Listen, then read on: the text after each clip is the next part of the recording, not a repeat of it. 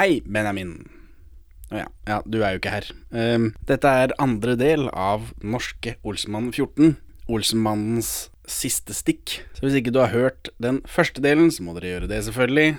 Og hvis dere har lyst til å se meg og Benjamin på kino med Olsmannen, så må dere faktisk gå og se Olsmannen siste skrik. Vi hopper rett inn der vi slapp sist, vi, så eh, vær så god. Helmaks, Egon!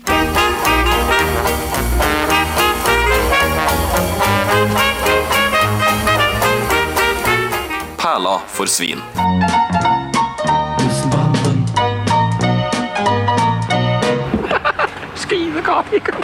Og rundt et hjørne så står Henki Kolstad og Frank Job Robert og krangler.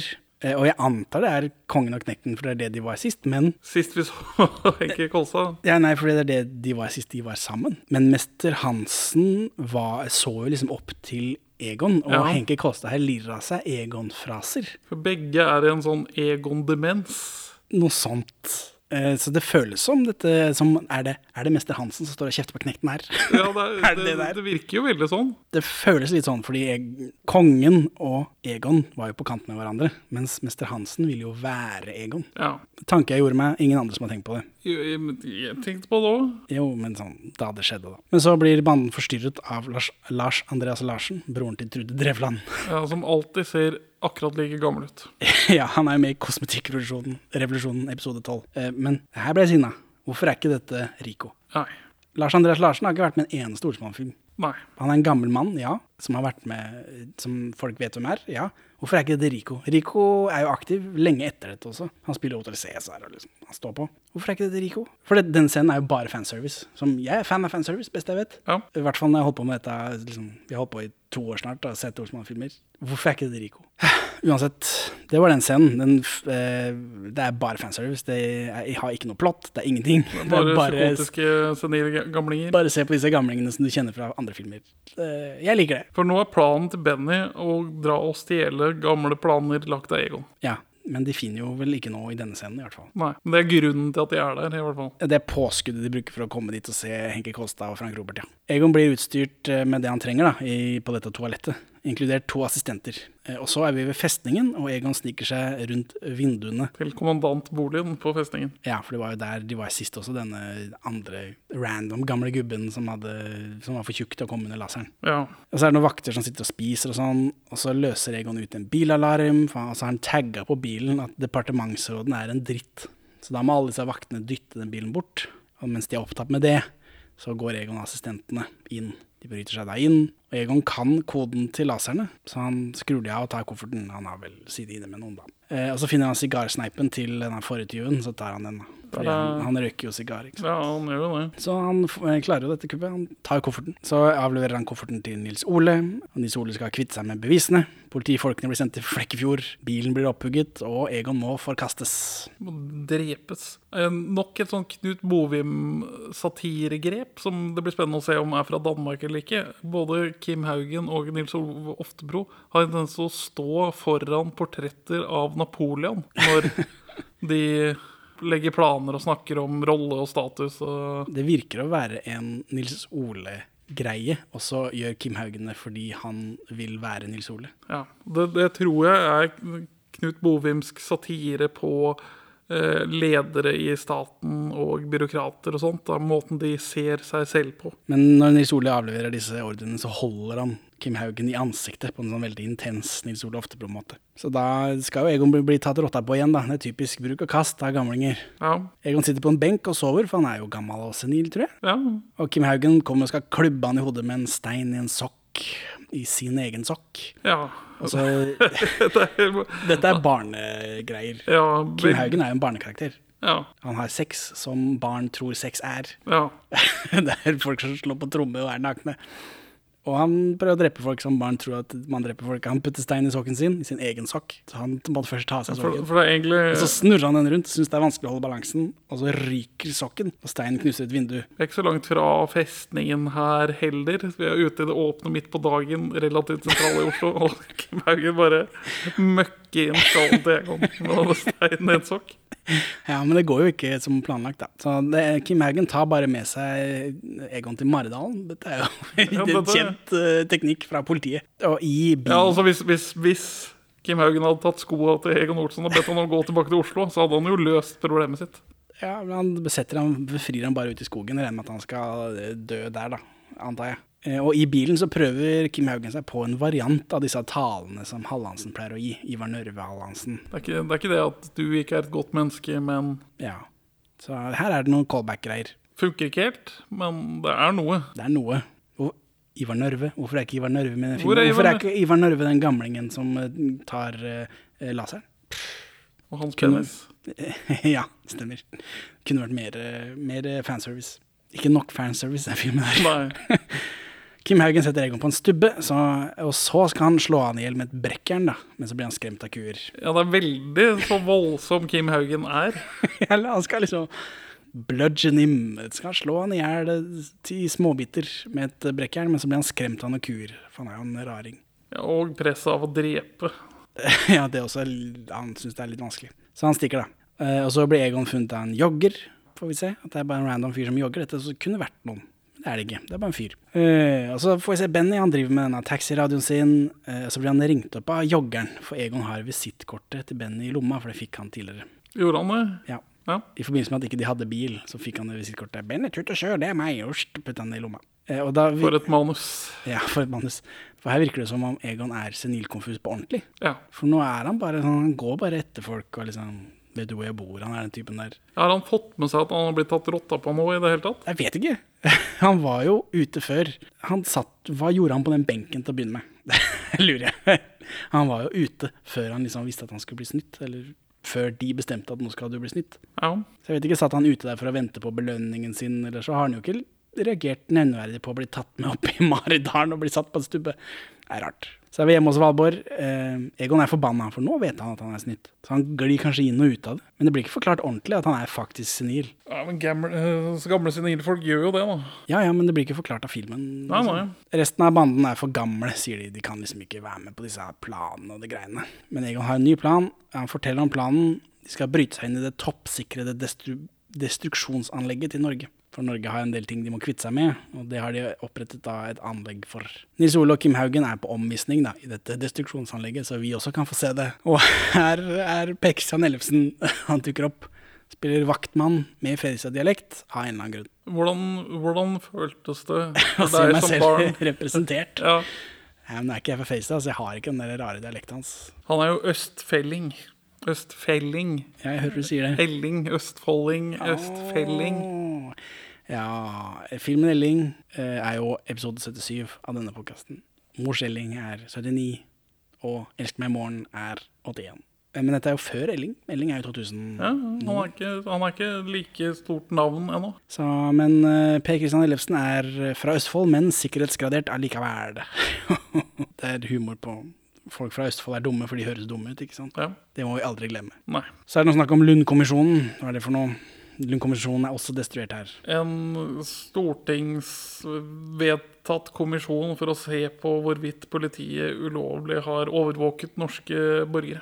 Og hvordan gikk det? Eh, ja, det har de. Ja. Men bare, bare på venstresiden, og samspillet mellom Arbeiderpartiet og politiet spesifikt har vært problematisk. Mens eh, Kåre Willoch mener at eh, Lund-kommisjonen er grunnen til at eh, 22. juli skjedde. Eh, hva er brikkene der? Nei, at, at eh, Norges hemmelige tjenester ble så redde for å overvåke og ta i bruk verktøykassen sin at de ikke fanget opp trusselen før det skjedde. Skeptisk. Ja. Eh, men den rapporten blir iallfall destruert i dette anlegget. Og Norsk Papirgjenvinning hiver også papiret her. Satire. Ja. Politisk nært. eh, Bare imot alt som er progressivt. ja. Som, som gjenvinning. Knut er Bovim. For øvrig, det er noe å bemerke, kan du si. Ja, er utmerket, utmerket. Håvik er fra Østfold, men han er sikkerhetsklarert likevel. I det selve forbrenningsrommet, hvor ting liksom går ned i denne forbrenningsovnen, så er det sensorer som oppdager bevegelser og tilkaller personalet. Det demonstreres da med at de blåser en sånn svanedun inn i rommet, og så går sensorene på det. Ja. Og så sier uh, Kim Haugen at foreldrene hans har et lignende system i gangen hjemme, og så blir han forlegen når han sier det. Hva, hva er vitsen her? Jeg vet ikke. Ikke peiling. Der, er eh, At han ikke kunne snike seg ut når han var ung, eller at han ikke kan snike seg inn som voksen. Jeg vet ikke. Nei. Jeg har ikke peiling. Men det er en eller annen vits der. Forsøk på vits, i hvert fall. Ja. Det er setninger etter hverandre som bryter med konvensjoner. Er Vits. På det man skulle tro. Humer. Ja. Eh, Men til slutt da, så blir asken klemt i en bitte liten kloss, og så sendt til NASA, og så skutt ut i verdensrommet. Så det er ikke måte på da, hvor, Dette virker, hvor ikke, destruert dette skal bli. dette virker ikke økonomisk bærekraftig. Eh, Nei, men det viktigste er jo å, å destruere beviser. Så det har ikke noe med økonomi å gjøre. Hva er det første vi ser bli brent opp, da? Olsenmannens samlede verker. Det stemmer. To filmruller, det Det må vi ha en gif av. Ja, det må vi faktisk. Ja. Noen som er ferdig med prosjektet, nesten. Eh, Banden er utenfor, da, og da kommer det en Securitas-bil eh, som gutta sniker seg baki, mens vaktmannen sjekker sjåføren osv. Dette er i tråd med eh, reglene for Olsenmann-universet. Det er det. Skjer det noe bak i bilen, så er det ingen måte å ignorere det. det er helt umulig å finne ut av. Denne vaktmannen, da, kjenner du igjen? Nei. Det er Jan Panderovsen, det er gubben til Aud Schønmann. Ja. Han er mest ute stadig. Så disse Securitasene tar lunsj, selvfølgelig. For det er også en viktig del av Olsmann-mytologien. ja. Eh, Dette er andre gangen vi får en vits på det i det hele tatt. At man bare legger ned arbeidet og går og spiser. Noe som Knut Bovim er sterkt imot. Ja, det skjer jo enda flere ganger. Den, eller altså, det er mye lunsj i disse filmene, og i de danske spesielt. Det, det lunsjgreiene blir ofte klippet ut av de norske. Mye av det. Men Ja. det blir jo dratt med inn flere ganger allikevel. KBG. KBG? Jo, Bodyguards. Christiansens Bodyguard, der er det noen lunsjgreier. Eh, denne Isbjørn, skinnet til Karsten Byring, der er det noen lunsjgreier.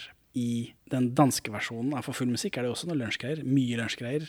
Ja. Maxims, Maxims er jo i Danmark, så er jo det viktig. Og så videre og så videre. Så det, det føler jeg er i tråd. Benny bærer denne jordmorveska nå. Hva syns du om det? Er det, er det et hån mot Karsten Byring? Burde de At hatt han bare kan ryggsekk? så lett. Ja, burde de hatt ryggsekk eller noe sånt? Funnet på noe annet? Sånn trillebag som gamlinger har. Ja, det hadde kanskje vært mer riktig. Men du må liksom ha med den, da. Jordmorveska. Benny Egon er nå på taket av denne forbrenningsovnen, og Harry er nede på bakkeplanen, for han eh, går på krykker etter denne ulykken denne tunnelen. Og så får Benny av en rute med sånne sugekopper eh, som man har i tegneserier. Og så Fredrikstad Elling har en liste over ting som skal destrueres. For han sitter i forværelset der. Og her, eh, den var veldig vanskelig å lese, men jeg har funnet noe som Knut Popp ville sagt var tilrettelagt for norske forhold. Eh, Det øverste punktet er Børre Knudsens selvbiografi 'Fra min munn til Guds øre'. Kjenner du Børre Knudsen? Er det han ene abortmotstanderen? Det stemmer. Antia Knutsen og eh, Ludvigsen. Børre Knudsen var antiabortprest før det var kult. Han smurte seg med saueblod foran Stortinget og sto i. De hadde også sånne plastfigurer de drev og kasta på folk og sånt. ja, ja, ja, de var gærne. Men nå er jo det liksom inn, da, så han var jo litt sånn forut for sin tid. Eh, og så er det en rapport fra LO-kongressens lederlønningsseminar. Og det har jeg ikke funnet noe på, men det er vel mm, kanskje, det sier seg sjæl, kanskje. Ja. Og så er det Bukiki-saken, og det er Lillehammer-drapet. Ah, Altså, ja. hva er Lillehammer-drapet? Eh, Mossad eh, ser en brun fyr og tror det er en helt annen brun fyr, og så knerter han på Lillehammer. Og så blir de faktisk tatt av norsk politi, en del av de. Noen av de, i hvert fall. Ja. Men det er veldig umossadsk. da. De Ja. pleier å være ganske gode på å knerte folk og slippe unna med det. Det var vel mye sånn uflaks som Eh. gjorde at de ble tatt, tror jeg. Ja, uh, Steven Spielberg har vel lagd en film om dette, tror jeg. Eh, han glemmer å ta med akkurat Lillehammer-drapet i den Munich-filmen, ja.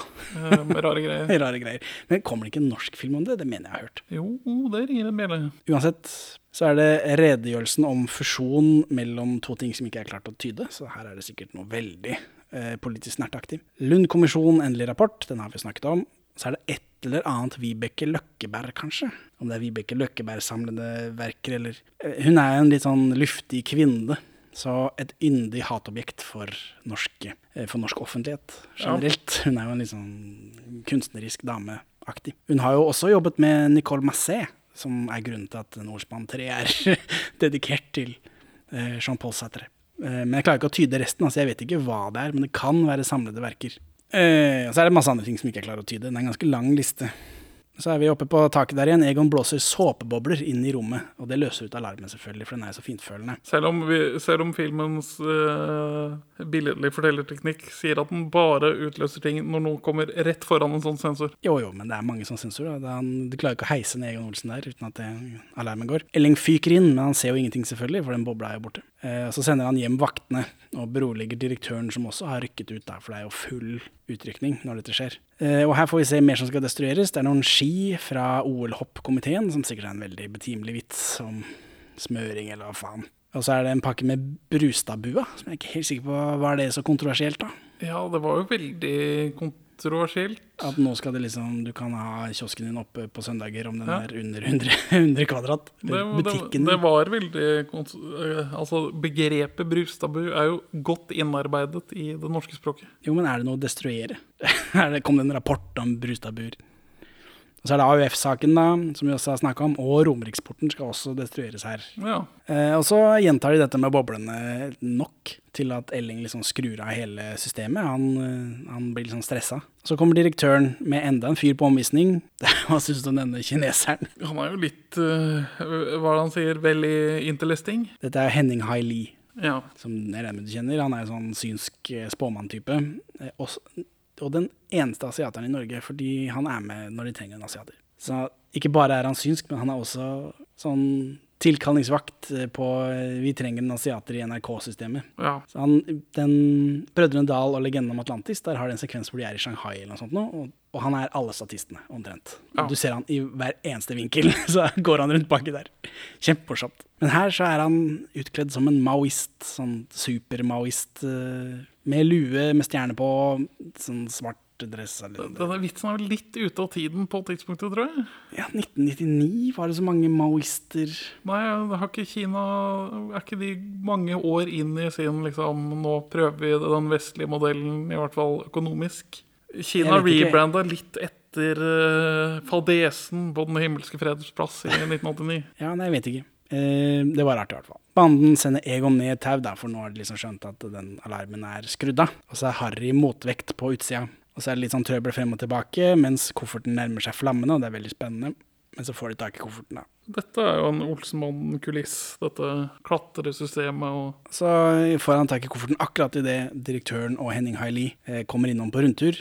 Og da mister han kofferten, Egon altså, ned på båndet igjen, som om ikke noe har skjedd. Og så mister Harry grepet, og da flyr Egon i taket, og så slår han hodet.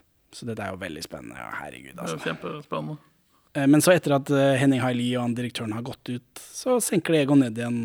Eh, Men da løser han ut alarmen. Men direktøren bare skrur av systemet uten å sjekke noe som helst, for nå er den alarmen gått 7000 ganger. Og så får Østfelling sparken. Ja, Elling får sparken. Og da sier Henning Haili at i Kina så skyter de dem bare. Ute så kjører Securitas bilen bort, og Egon klikker og roper på Benny. Og Benny ser at de blir oppdaget, så han tar kofferten. Bare, de tar, nå tar de bare kofferten med en krok, liksom. De har jo fått meg opp. Fordi han skrudde jo av systemet, han eh, andre fyren. Så da var det liksom Var det ikke så spennende allikevel? Eller hva var dette? Hva var den siste turen med Henning Haili? Hva var det? Vet ikke. Nei. Eh, Benny tar kofferten og stikker mens Egon er i harnisk, for Egon står nå alene ute på gata der og begynner å ule i raseri. Uh, det, det klippet må jeg ha med. Eneste evige jævla gang! Oh! Oh!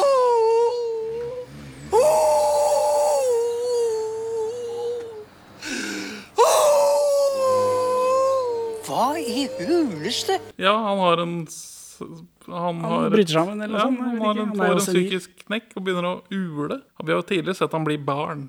Det har vi. Så dette å bli trist hund, det Men Da kommer vaktmannen Jan Panderolfsen, og så tror han at Egon er senil. Det stemmer jo for oss, da. Han sier hei, bestefar, men de er jo minst like gamle. Ja, de er jo like gamle. Så, men Pande tar da Egon inn i vak vaktbua og liksom setter han ned her, og nå skal vi liksom finne den som eier deg, og, og så videre. Benny og Harry klarer å rømme. Så det kunne Egon også gjort om ikke han stått der og hylla, men, men, men. Og Valborg venter ved bilen. Det er ikke vanlig. at liksom... Nei, nei, men hun tjener jo en ny rolle, da. Ja, nå mangler det jo en person i crewet.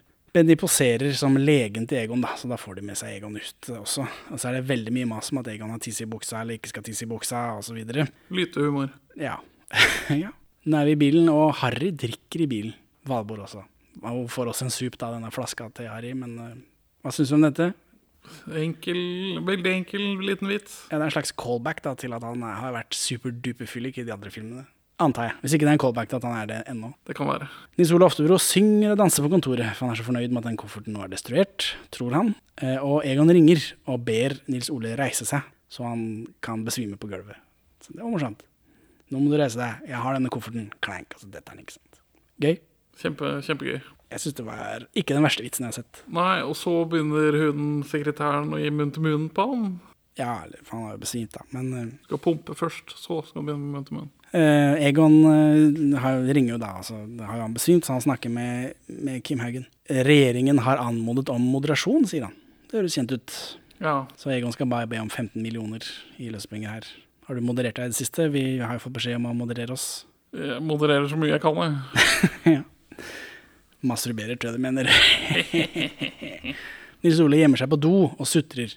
Så er det masse folk som vil se han, inkludert Carl I. Hagen, Per Ståle Lønning og Odd Nerdrum, som vil male han inn på do der. Kunstnerreferanse til folket, antar jeg. Hva er dette for noe? Jeg vet ikke.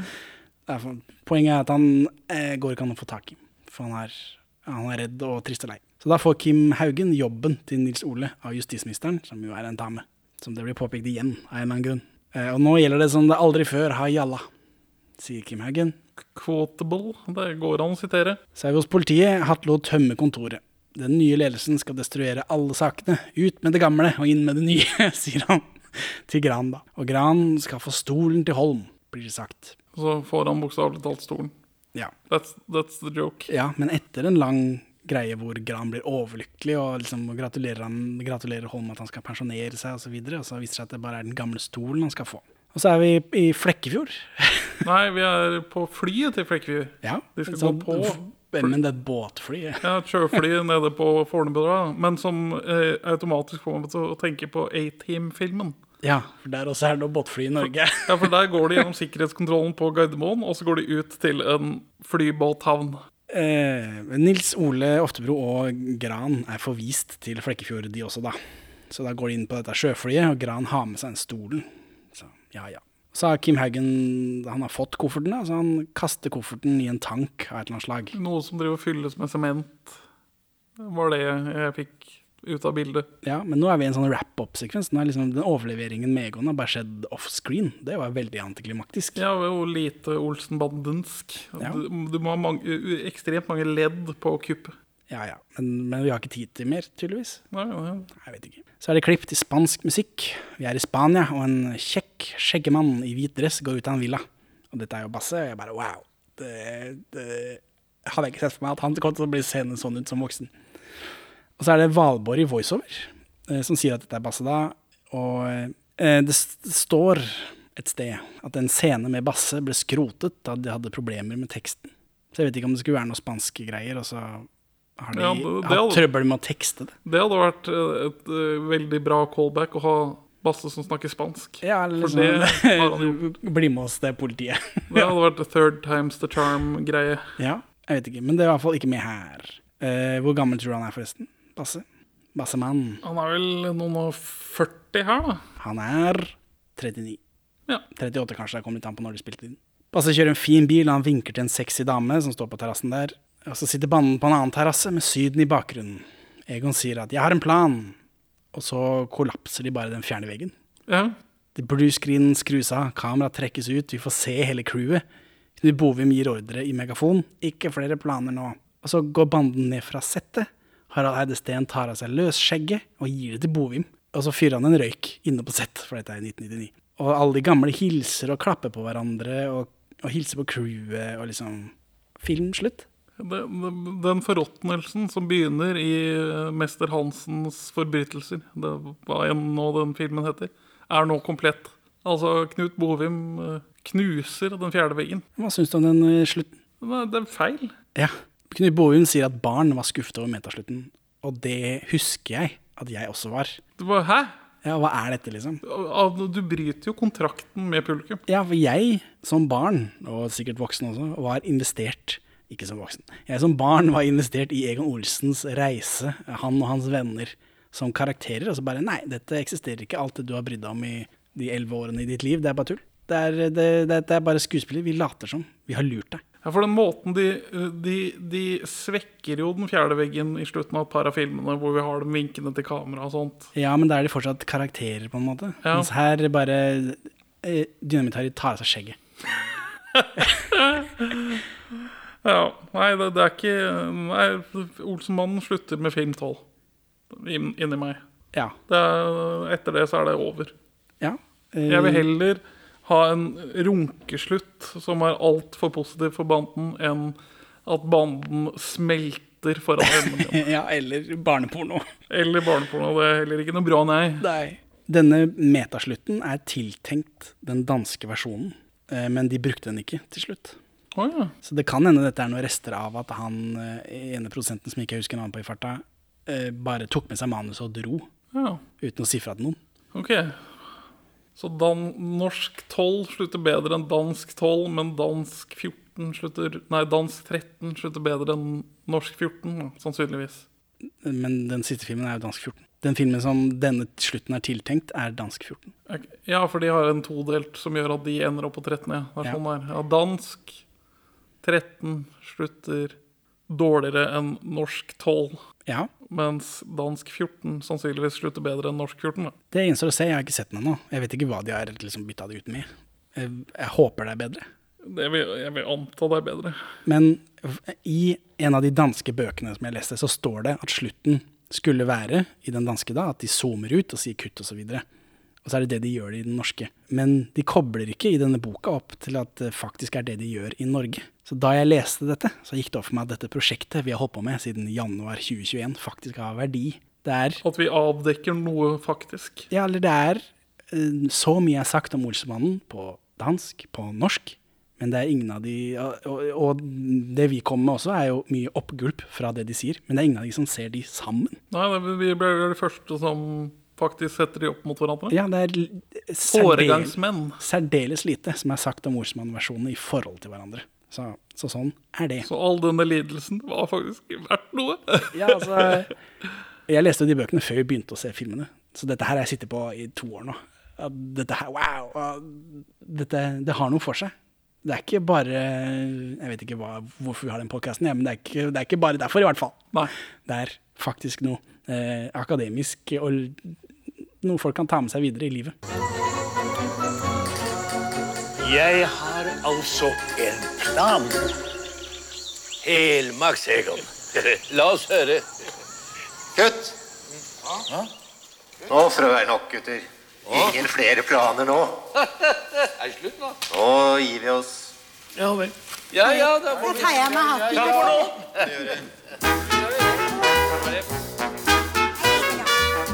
Dette er den siste spillefilmen til Arve Oppsal. Eh, Sverre Holm, Aud Schønmann.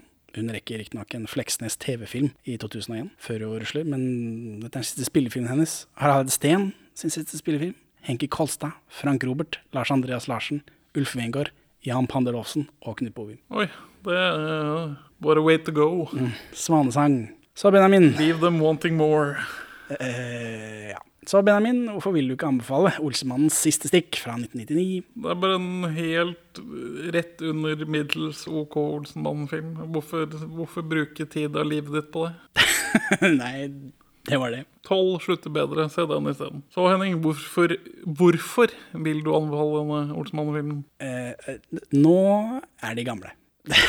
de fløbber linjer mer enn før. De har jo ikke vært så stødige på linjer før heller. Men nå mumler de mens de andre har replikker. Eh, det virker som det gir seg litt etter hvert, da, som sagt. At de liksom kommer inn i rytmen. Arve er veldig mumlete.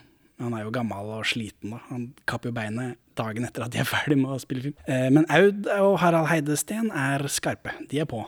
Det virker som de liksom er i trening. Harald Heidesteen er vel først så er han jo mye yngre.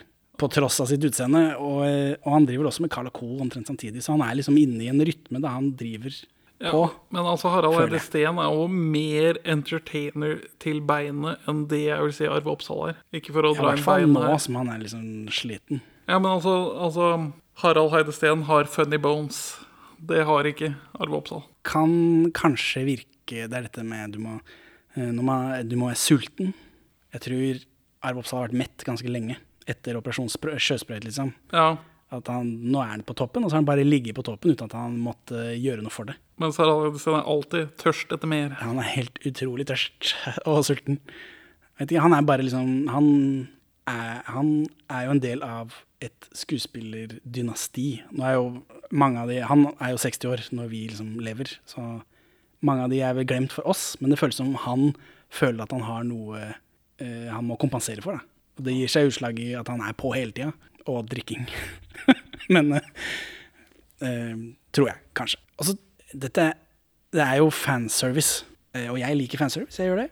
Jeg er veldig glad i fanservice. Jeg er fortsatt forbanna på Skyfall, den James Bond-filmen, for at skurken ikke er Pierce Brosnan, for det burde det være. Ja. For han er jo en sånn spion som har vært med M før og blitt lagt på skraphaugen i noen år. Du, du ville i Skyfall at det skulle faktisk være den forrige Bond som vi hadde sett. Ja, Ja. hvorfor er ikke denne skurken eh, Hvorfor er ikke det Pierce Brosnan bare? Og den vaktmesteren skal faktisk være Sean Connery. Nå er det 50 år med James Bond. Det er en skotsk vaktmester. Og så er det ikke Sean Connery, det er en annen fyr. De de prøvde vel å få han, men Selvfølgelig gjorde de det, men han gir jo faen. Men da måtte de Jeg vet ikke. Jeg er sint ennå. Jeg liker fanservice, er poenget mitt. Jeg elsker det. Elsker det. Så Kongen og Knekten her. Mester Hansen, Kongen og Knekten. da, da hadde piker for deg. Det er absolutt. Jeg husker det som barn også. Bare, wow, der er de der. Som jeg har sett før i en annen film. Eh, og så tror jeg, nå som jeg er voksen, at jeg liker slutten litt bedre. Fortsatt eh, burde slutta annerledes, men, men det er litt som i Dødelig våpen 4, hvor de har masse bilder av cast og crew og så, som koser seg og lager film og sånn. Er det at eh, sånn, sånn her er vi, dette var oss, tenk på alt vi har opplevd gjennom alle disse årene. Tenk på alt vi har vært igjennom. Barnet inni meg er fortsatt sint, men, men som voksen så får jeg litt mer ut av slutten enn enn jeg gjorde. Så derfor vil jeg anbefale denne filmen. Jeg tør ikke engang tenke på hva som vil skje når pressen får tak i det. Og det vil de jo. Og det blir en skandale av uante dimensjoner. Så må vi ranke Ja. Olsmanns siste stikk, Benjamin. Kan du gi meg listen? Begynne i bunn denne gangen her, da, så blir det spennende for den som hører på. Nummer 13. Nå er, nå er vi Dette er siste gang. Nummer 13 er Olsmann og Dynamitt-Harry, den med Kari Simonsen. Film nummer to. Nummer 12 er Olsmannen møter kongen og knekten. Nummer 5, altså film nummer 5. Og nummer 11 i rankinga vår er Men Olsmann var ikke død. Den filmen med disse Munch-bildene og eh, Biffen på sirkus og sånt nå. Det er film nummer 13. Plass nummer 10 i rankinga vår er Olsmann og Dynamitt-Harry mot nye høyder. Den med helikopter. Det er film nummer 11. Plass nummer 9 er Olsmann gir seg aldri, hvor de drar til London. Som er film nummer 10. Plass nummer 8 er Olsmann tar gull. Sørlandsbunkers og de greiene der. Film nummer 3. Plass nummer 7 er Olsmannen og Data-Harry sprenger Verdensbanken. Data-Harry og Verdensbanken. Mest danske filmklipp, egentlig. Film nummer ni. Og så eh, på rankinga vår, nummer seks, der er det den aller første Olsmann-filmen. Den med pupper og horer. Nummer fem, nå er vi topp fem. Eh, Olsmann og Dynamitt-Harry på sporet. Den med tog. Film nummer åtte.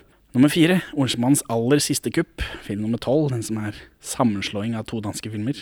Og så på plass nummer tre, Olsmann og Dynamitt-Harry går amok. Den med fryselageret, som er film nummer fire. Og plass nummer to er Olsmanns siste bedrifter, hvor Egon blir senka i bøtte, som er film nummer seks. Og plass nummer én er Olsmann for full musikk, hvor de sprenger seg gjennom Nationaltheatret, som er film nummer syv. Hvor vi vil ha Olsmannens aller siste stikk, film nummer 14, hvor alle er gamle. Når jeg har fundert litt på dette, så havner den ganske lavt hos meg. Jeg tror den konkurrerer med den nest siste på å være ganske ræva. Hvor, hvor, er- ligger du i Jeg, dette er som nesten alle andre Olsmann-filmer, så vil jeg ha denne over midten. Det, men jeg har jo sett den på kino. Jeg har et sånt uh, Ja. Jeg elsker eh, fanservice. Det, er, eh, det gjør meg ikke noe at de har dette ekstra kapitlet i Olsmann-franchisen. Du vil jo ha alt i bånn. Ja, Selv de gode filmene. Ja. Selv Olsmann tar gull. Ja, så Så hvor, et eller annet sted mellom midten og nest siste plass. niende Altså, de drar, de drar til London, og så banker de opp noen folk eh, og tar klærne deres. Ja, Som er et sånt, sånt totalt brudd med ordsmannens ikke-voldspakt. Ja. Eh, og Olsenmann tar gull ligger over der igjen, og den er jo helt feilplassert, spør du meg. Det er jo en god film. Så eh, det må jo være over, eh, over det, da. Olsmann og Data-Harry, hvorfor satte vi den eh, på syvendeplass? Liksom? Den er over disse to igjen. Det må være fordi det var mest eh, dansk film, og dansk film er bedre. Ja. Jeg syns denne konkurrerer med Olsenmann nummer to på, og Olsen, den nest siste Olsenmann-filmen med å være den minst olsenmannske film. Nå, nå må vi bestemme oss. Hvor skal vi sette denne filmen her? Over Kongen og Knekten. Du skal ha den inn på altså- tredje siste? Ja. Men hvor vil du ha den, da? Nei, jeg må ha den over Olsenmann eh, i London. Det er greit. Hvilken plass blir det da? Niendeplass. Ja, det høres greit ut. Oh yeah. Dette er jo da kompromisslista, Ja. som jeg skal blaste gjennom nå, superfort. Førsteplass Olsmann for full musikk. Andreplass Olsmanns siste bedrifter. Tredjeplass Olsmann og Dynamitt-Harry går amok. Fjerdeplass Olsmanns aller siste kupp. Femteplass Olsmann og Dynamitt-Harry på sporet. Sjetteplass Olsmannen. Operasjon Egon, hvis man uh, bruker det. Syvendeplass Olsmann og Data- Data-Harry sprenger verdensbanken. Åttendeplass Olsmann tar gull. Niendeplass Olsmannens siste stikk. Tiendeplass Olsmann gir seg aldri. Ellevteplass Olsmann og Dynamitt-Harry mot nye høyder. Tolvteplass Men Olsmann var ikke død. Trettendeplass Olsmann møter kongen og knekten. Og fjortendeplass Olsmann og Dynamitt-Harry. Så det er altså kompromisslista vår. ja som Ja. Vi, ikke, vi ikke klarer å vite i hvilken grad stemmer. På ingen måte, altså. Hva vi tenkte når vi begynte med dette, det aner jeg ikke. Det har, dette har, det har sklidd helt ut. Og bare smetta inn tilfeldig dritt tilfeldige steder. Fordi Når vi har satt inn ting i denne kompromisslista, så vet vi i hvert fall hvilken film det er vi har satt inn. Ja. Fordi den personlige lista mi, det er, eh, det er mye Olsemann-suppe. Skal vi ta det hvis, Skal vi ta det igjen fra Vi tar det fra bånn, da, altså annenhver gang? Ja. Ja, Det er 14 stykker, ikke sant? Jeg har telt riktig. det stemmer. Enn så lenge bare 14. Dessverre snart flere. Ja. 14.-plass, helt nederst, den dårligste Olsmann-filmen, uten tvil. Vær så god. Olsmann og Dynamitt-Harry. Ja, der er vi enige.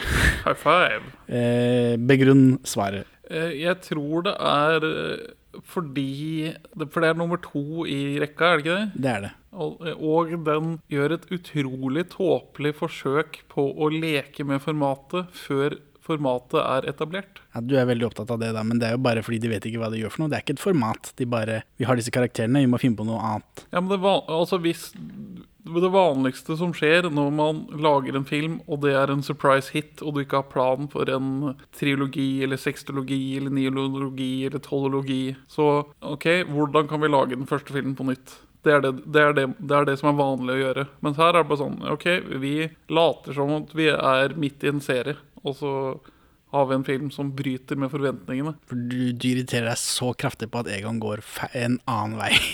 Når han går ut av botsen, er det liksom det er det. Nei, det er, bare, det er- bare at den andre filmen prøver å dekonstruere noe som ennå ikke finnes. Ja, jeg Kjennes det ut som for jeg meg. syns det er helt ubegripelig dårlig stemning i den filmen. Alle er triste og lei seg. Harald Heidesteen er på dødens rand. Han kommer jo på sykehuset Ja, det etterpå. er ekte trist lyrikk. Ja, og så er det Det er jo pla De utfører jo ikke noe kupp. De blir jo liksom eh, Det kommer jo noe østtyskere eller hva faen det var for noe. Altså Stjeler de kron, norske kronjuvelene, og så får bandens skylda, og så må de liksom ta de tilbake. Det er ikke, det er ikke den Olsenmann-følelsen. Nei, det er helt riktig. Ja. Så 13.-plass.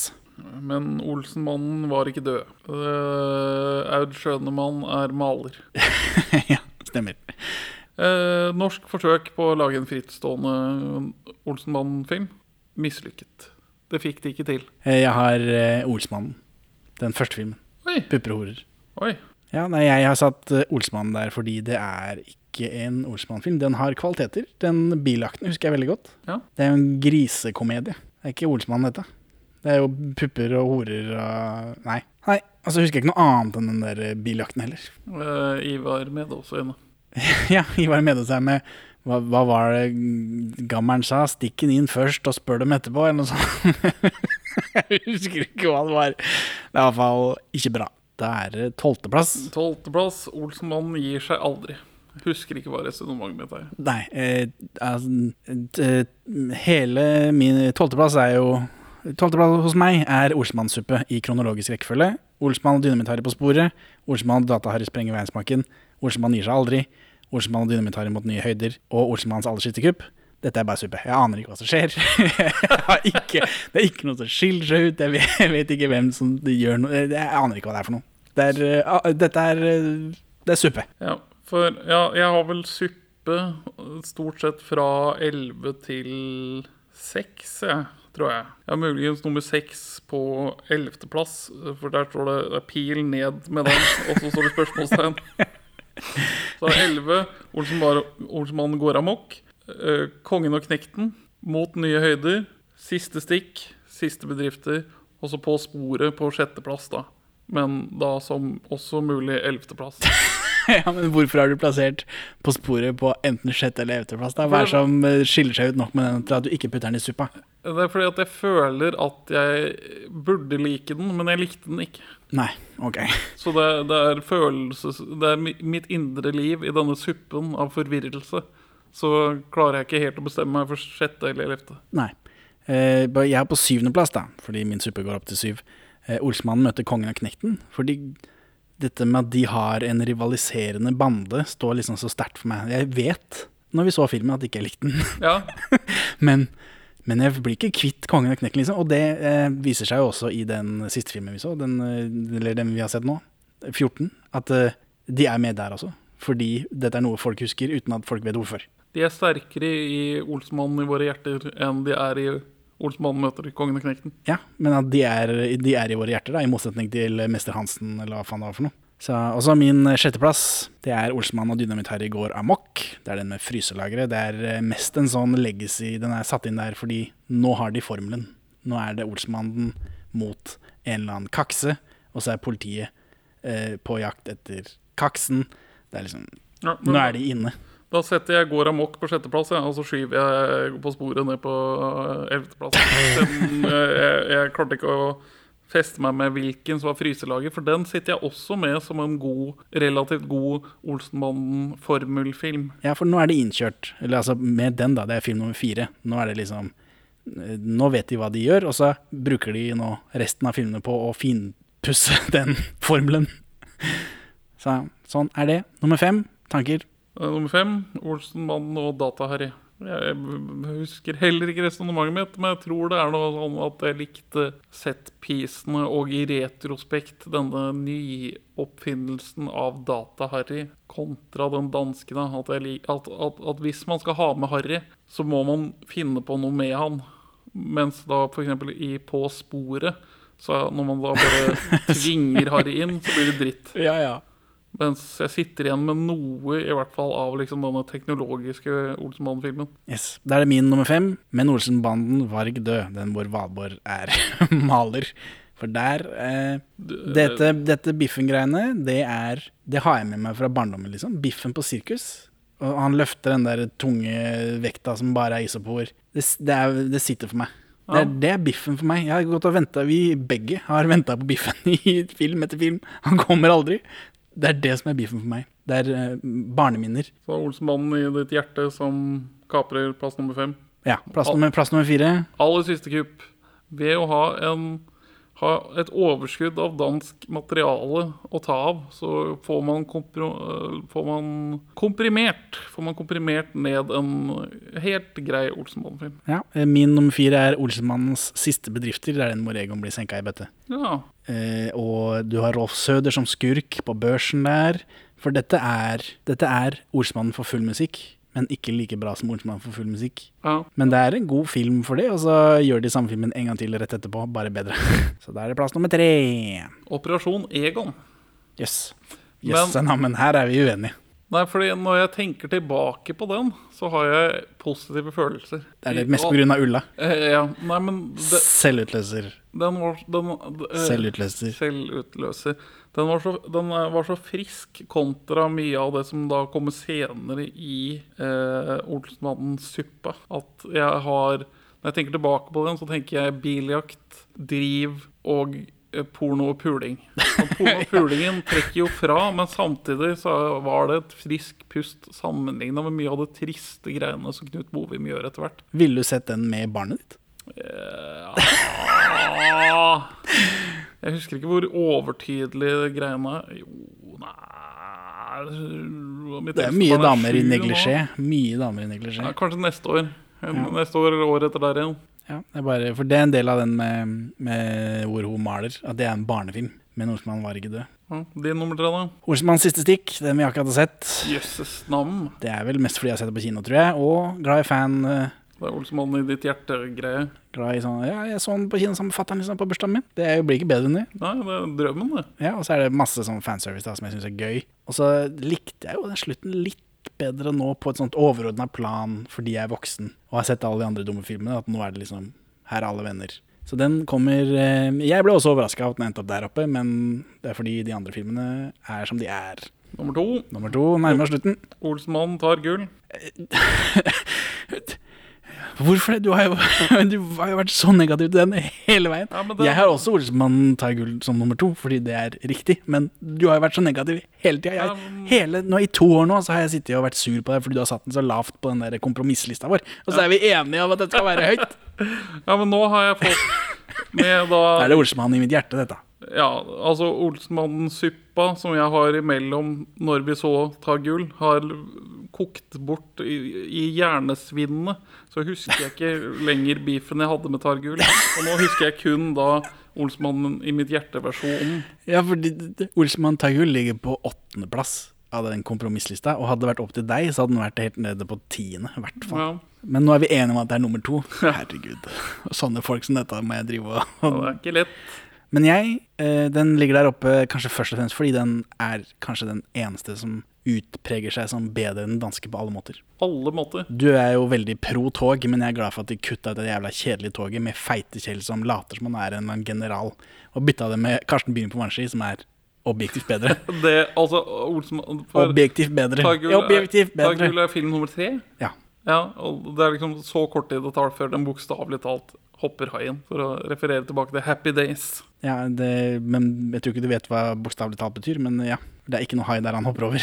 Nei, nei, men han, man får en vannskisekvens da, som er Ja, før de bokstavelig talt står på vannski, Ja. er det du mener. ja, Men det er bedre enn det de gjør i Danmark. Ikke det er hele I Norge så har de jo satt inn små vitser, sånn som de klatrer over et gjerde på et tidspunkt. Det gjør de ikke noe med i Danmark. Eh, Egon har sigar inni den der gassmaskegreia. Det gjør de ikke i Danmark. Eh, Mats Madsen er tusen ganger bedre. Karina er bedre. Ja, det, den Jeg tror ingen av de andre skiller seg ut som bedre enn ja. de danske.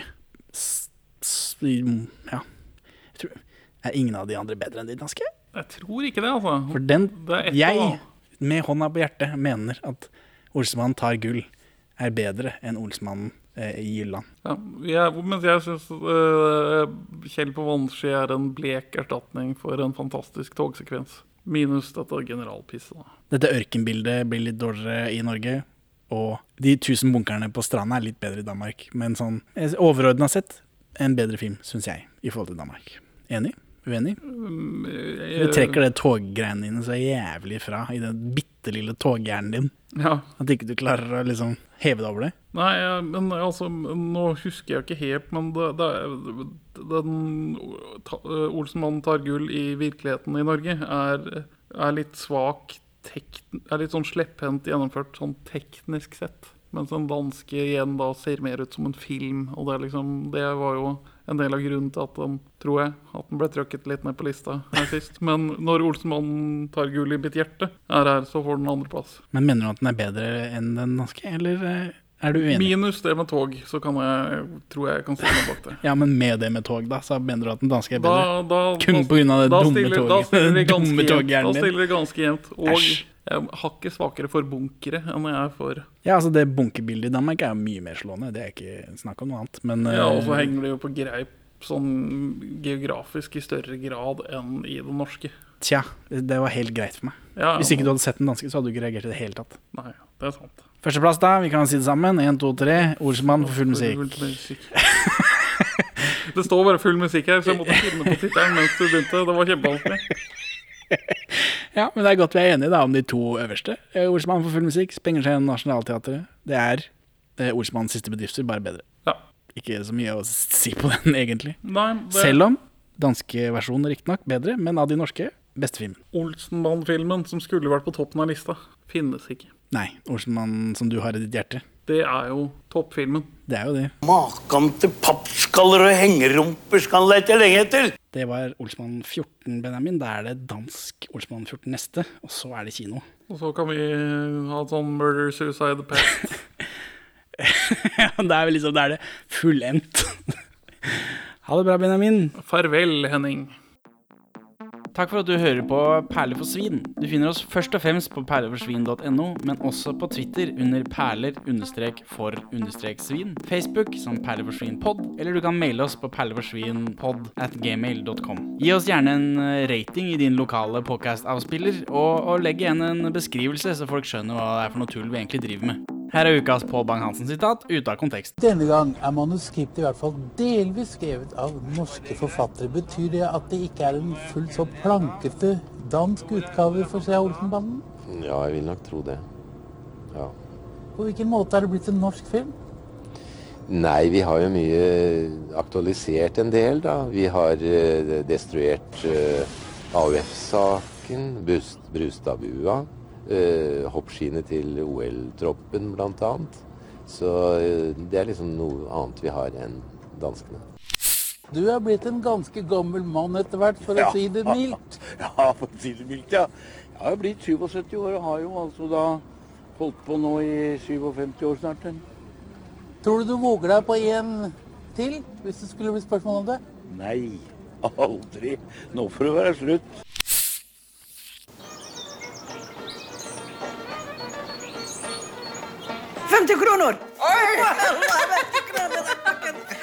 50 kroner. زين اندرسن الله بس سلطان عندك شباتي؟ ني نانا نانا نانا نانا الحمد لله اعطيني نانا كل شويه نانا قاري قاري الحمد لله مزيان وانت واش باني مشى بالطاكسي نتاعو؟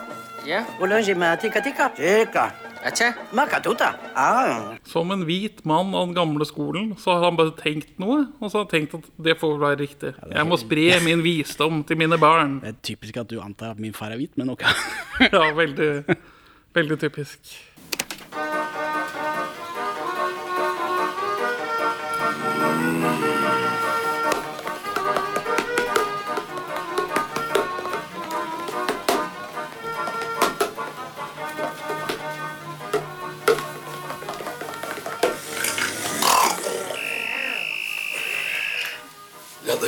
Det er Grønn Larsen. Hallo?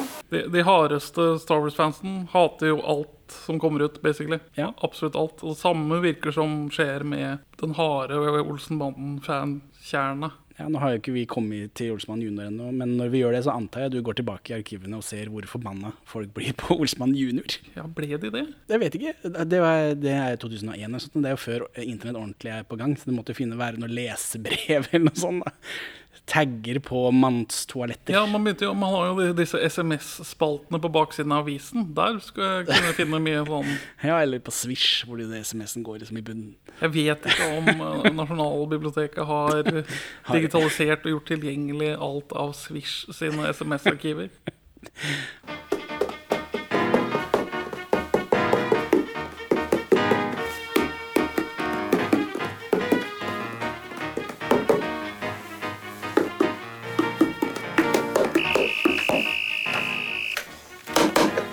Grønn Larsen, vær så god. Og så pleier ikke vi å snakke med andre podcaster og sånt, men det virker som Nå har jo ikke jeg hørt disse fanbanden-episodene om filmene, bare intervjuene. Og det virker ikke som om fanbanden har sett de danske. Så det er rart å være liksom superfan, eh, ha research på den eneste norske Olsmann-boka, og så ikke se de danske. Men altså, med da, eh, Norges lillebror-rolle i Skandinavia, så er det hardt å få høre at ikke engang Olsenmannen er norskt. Så jeg, eh, jeg føler de fleste har en sånn fornektende altså De fleste som får høre det, har en traumereaksjon når de får vite at de norske bare er en kopi. Og så bygger de om virkeligheten da, for å få det til å henge på grep. Enten så later man som om dansk Olsenmann ikke er en greie, eller så sier man f.eks. at ja, dansk Olsenmann er dårlig. ja, Det norske er bedre. Ja, og en av disse fanband-folka har jo også vært i en annen påkast om norsk film og snakket om Morsmannen, og der også kommer det opp dette med det finnes jo danske versjoner, og du som har fordypet deg liksom i de danske og sånt, og så ja, ja, har- fordypet seg greier. Han har jo sett eh, noen av de siste, da, hvor de liksom deler seg veldig. Men Det er ikke å fordype seg. Nei, nei, Det, nei. det vi driver med, er å fordype seg. Altså, unnskyld meg. Lid for kunsten. Jon Selås, han som er forfatter på denne ene Olsmann-boka, som har brukt fanbanden annet som research, uh, han snakker Han som han har brukt fanbanden som research. Ja, eller de har drevet research for denne boka som han har fått forfatter på. Så de, sånn, de sånn, står i takk til delen. Uh, Jon Selås snakker som om han har sett de danske, uh, men han påstår at de norske er godt oversatt, så hvem vet. Ja, Han har jo ikke peiling i så fall. For de er jo ikke godt oversatt. Selås sier også at han bare har bladd gjennom tegneseriene og ikke lest de. Hvorfor, hvordan kan du, Jeg skjønner ikke hvordan du kan skrive selve boka, 'Norsk Olsmannen', og så eh, går du ikke gjennom alt materialet. Nei, det, det er flaut. Ja, ja. Bu med Jon Selås. Henning fra Framtida her. Nå som vi er ferdig med Olsmann-prosjektet, så har jeg turt å høre på fanbanden, og i episodene om filmene så høres det i hvert fall ut som noen av de har sett de danske. Så da har vi rett opp i det. Vi er harde i Olsemann-podkast-miljøet, men vi er rettferdige. Og når jeg har hørt på bumperne som jeg har laget, så skulle man tro vi fikk betalt for å pushe Olsemannens siste skrik, men Benjamin har ikke fått betalt for statistjobben engang, så den gang ei. De veit vel at de har oss på kroken uansett. Gå og se oss på kino, da. Benjamins bartefjes er veldig godt synlig i den fantasiscenen hvor Hermansen er på restaurant med Kjell som servitør, og mitt skjeggetryne synes i trappa på operaen når alle går ut. Vi høres.